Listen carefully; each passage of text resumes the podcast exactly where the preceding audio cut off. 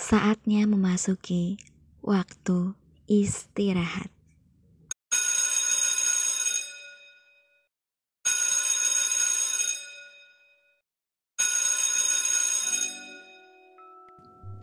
Halo semuanya, masih bersama saya Ristia di sini yang akan ngebahas apa aja yang bisa dibahas dan membuatnya jadi mendadak penting.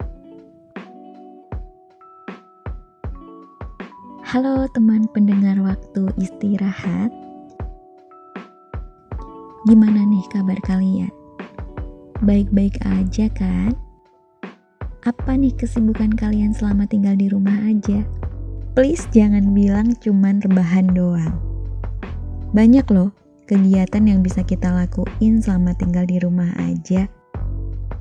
Misalnya nih, yang mau belajar memasak, bisa banget waktu yang ada dimanfaatin buat ningkatin kemampuan plus kepekaan rasa. Selain bermanfaat buat kamu, memasak juga bisa jadi cara menunjukkan rasa sayang untuk anggota keluarga yang lain. Asik gak tuh? Atau buat calon anggota baru keluargamu nanti, iya kan? Bisa juga ngelakuin hal yang lain.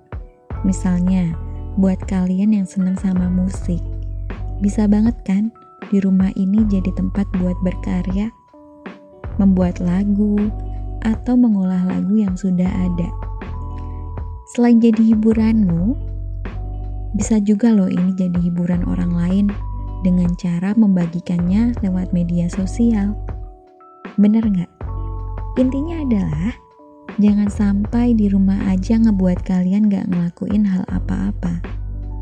Apa nggak sayang waktu yang ada cuma jadi sia-sia belaka. Ingat, waktu itu terus berjalan, dan kamu gak bisa buat ngulangin kalau udah kelewatan. Ya, bukan bermaksud melarang rebahan juga sih. Rebahan boleh aja, asal jangan cuma rebahan. Lakuinlah dengan kegiatan lain yang bermanfaat seperti sambil membaca berita terkini, tapi bukan berita yang cuma bohong ya, atau mendengarkan podcast.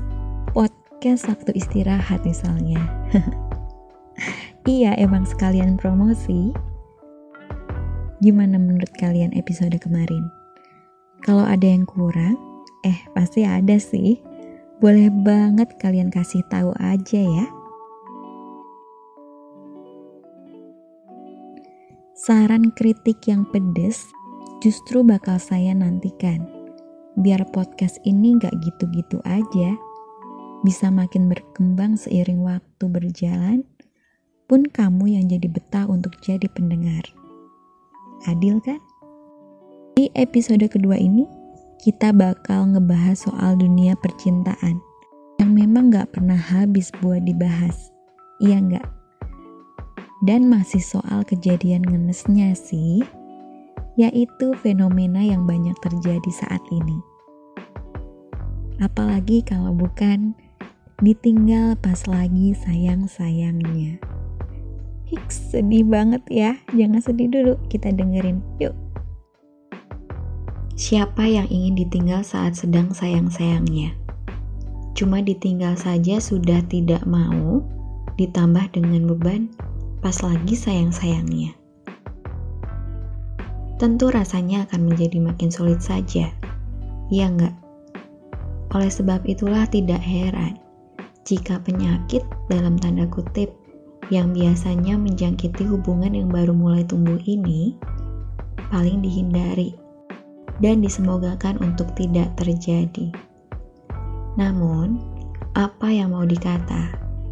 Kalau yang ternyata pestisida dalam tanda kutip yang sudah kita siapkan untuk meniadakannya ternyata tak mempan. Hiks, sedih gak sih? Menjadi di posisi korban, alias yang ditinggal pasti tidak akan mengenakan. Pasti akan ada pertanyaan yang tumbuh di kepala. Pertanyaan seperti, kamu kenapa? Kok tiba-tiba berubah? Atau, apa salahku? Kok tega-teganya kamu giniin aku?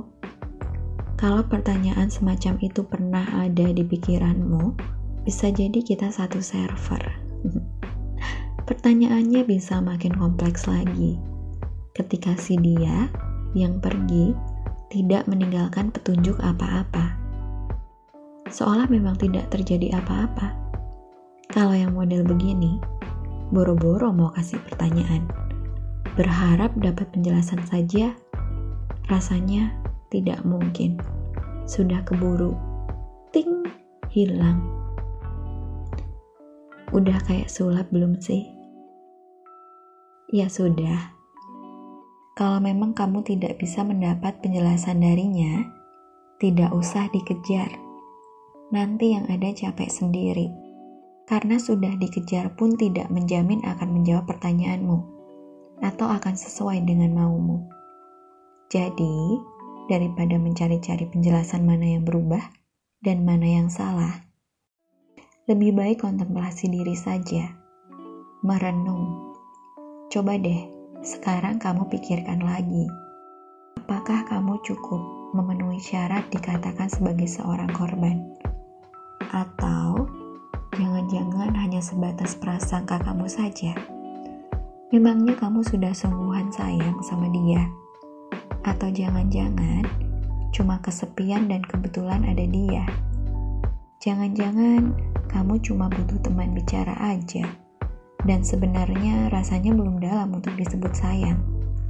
Atau sayang yang levelnya adalah sayang kalau dia hilang. Tidak ikhlas bukan sebuah rasa yang amat suka. Kalian pasti paham lah ya. Kenapa kamu perlu merenung? Karena bisa saja ternyata kebanyakan masalahnya ada di kamu yang terlalu mengada-ngadakan perasaan Jangan terlalu buru-buru mengaitkan semuanya dengan hati. Karena kamu pasti sudah paham kan? Bermain hati harus hati-hati. Kalau kamu tidak pernah memberikan waktu untuk merenung, ya pantas saja kalau kamu jadi selalu merasa ada di pihak korbannya. Di posisi yang selalu ngenes. Merasa seolah dunia tidak pernah berpihak padamu. Duh, jangan gitu ya sayang Jangan gitu ya, sayang. Setelah itu, nasib seseorang yang meninggalkanmu tadi pasti akan selalu jadi kambing hitam, bukan?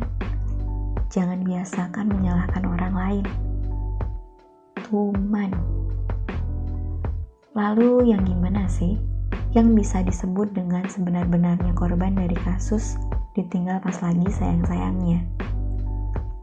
Kamu boleh mengatakan jadi korban jika kamu sudah diajak membahas hubungan masa depan sama dia, sudah terpapar harapan dan janji-janji manisnya. Pokoknya hal-hal yang sudah membuat sama-sama nyaman lah. Jadi bukan hanya kamu yang merasa. Seperti sudah diajak jalan sambil digenggam tangannya, sudah tidak canggung makan berdua, sering saling membicarakan kesibukan hari-hari yang kalian lalui. Diberi perhatian walau hanya lewat chat dari pagi ke pagi, dan segala bentuk perhatian yang menunjukkan bahwa kalian sama-sama saling membutuhkan dan menemukan. Tanpa dipaksakan, semua himpunan kejadian-kejadian itu kemudian melahirkan panggilan yang tidak hanya sebatas sayang di antara kamu dan dia. Nah, kalau sudah begini, Ketika salah satu di antara kalian tiba-tiba menghilang, maka bolehlah baru dikatakan sah. Kamu sudah ditinggal pas lagi sayang-sayangnya. Dia yang tadinya sedekat Sabtu ke Minggu menjadi Januari ke Desember. Jauh sekali. Menyebalkan ya, tapi mau diapakan? Begitulah kenyataan. Sudah dibuat baper, ternyata ujungnya membuat nangis kejar. Sudah disayang, eh malah menghilang. Nasib, nasib.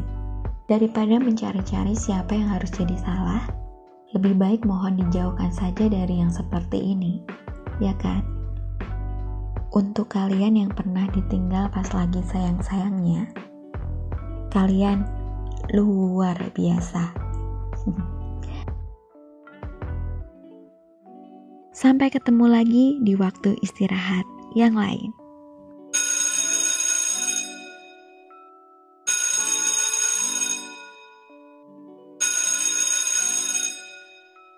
Oh ya, terima kasih untuk yang sudah meluangkan waktunya mengoreksi podcast yang lalu.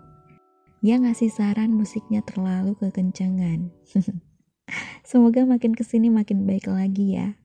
Harus, harus banget sih ini.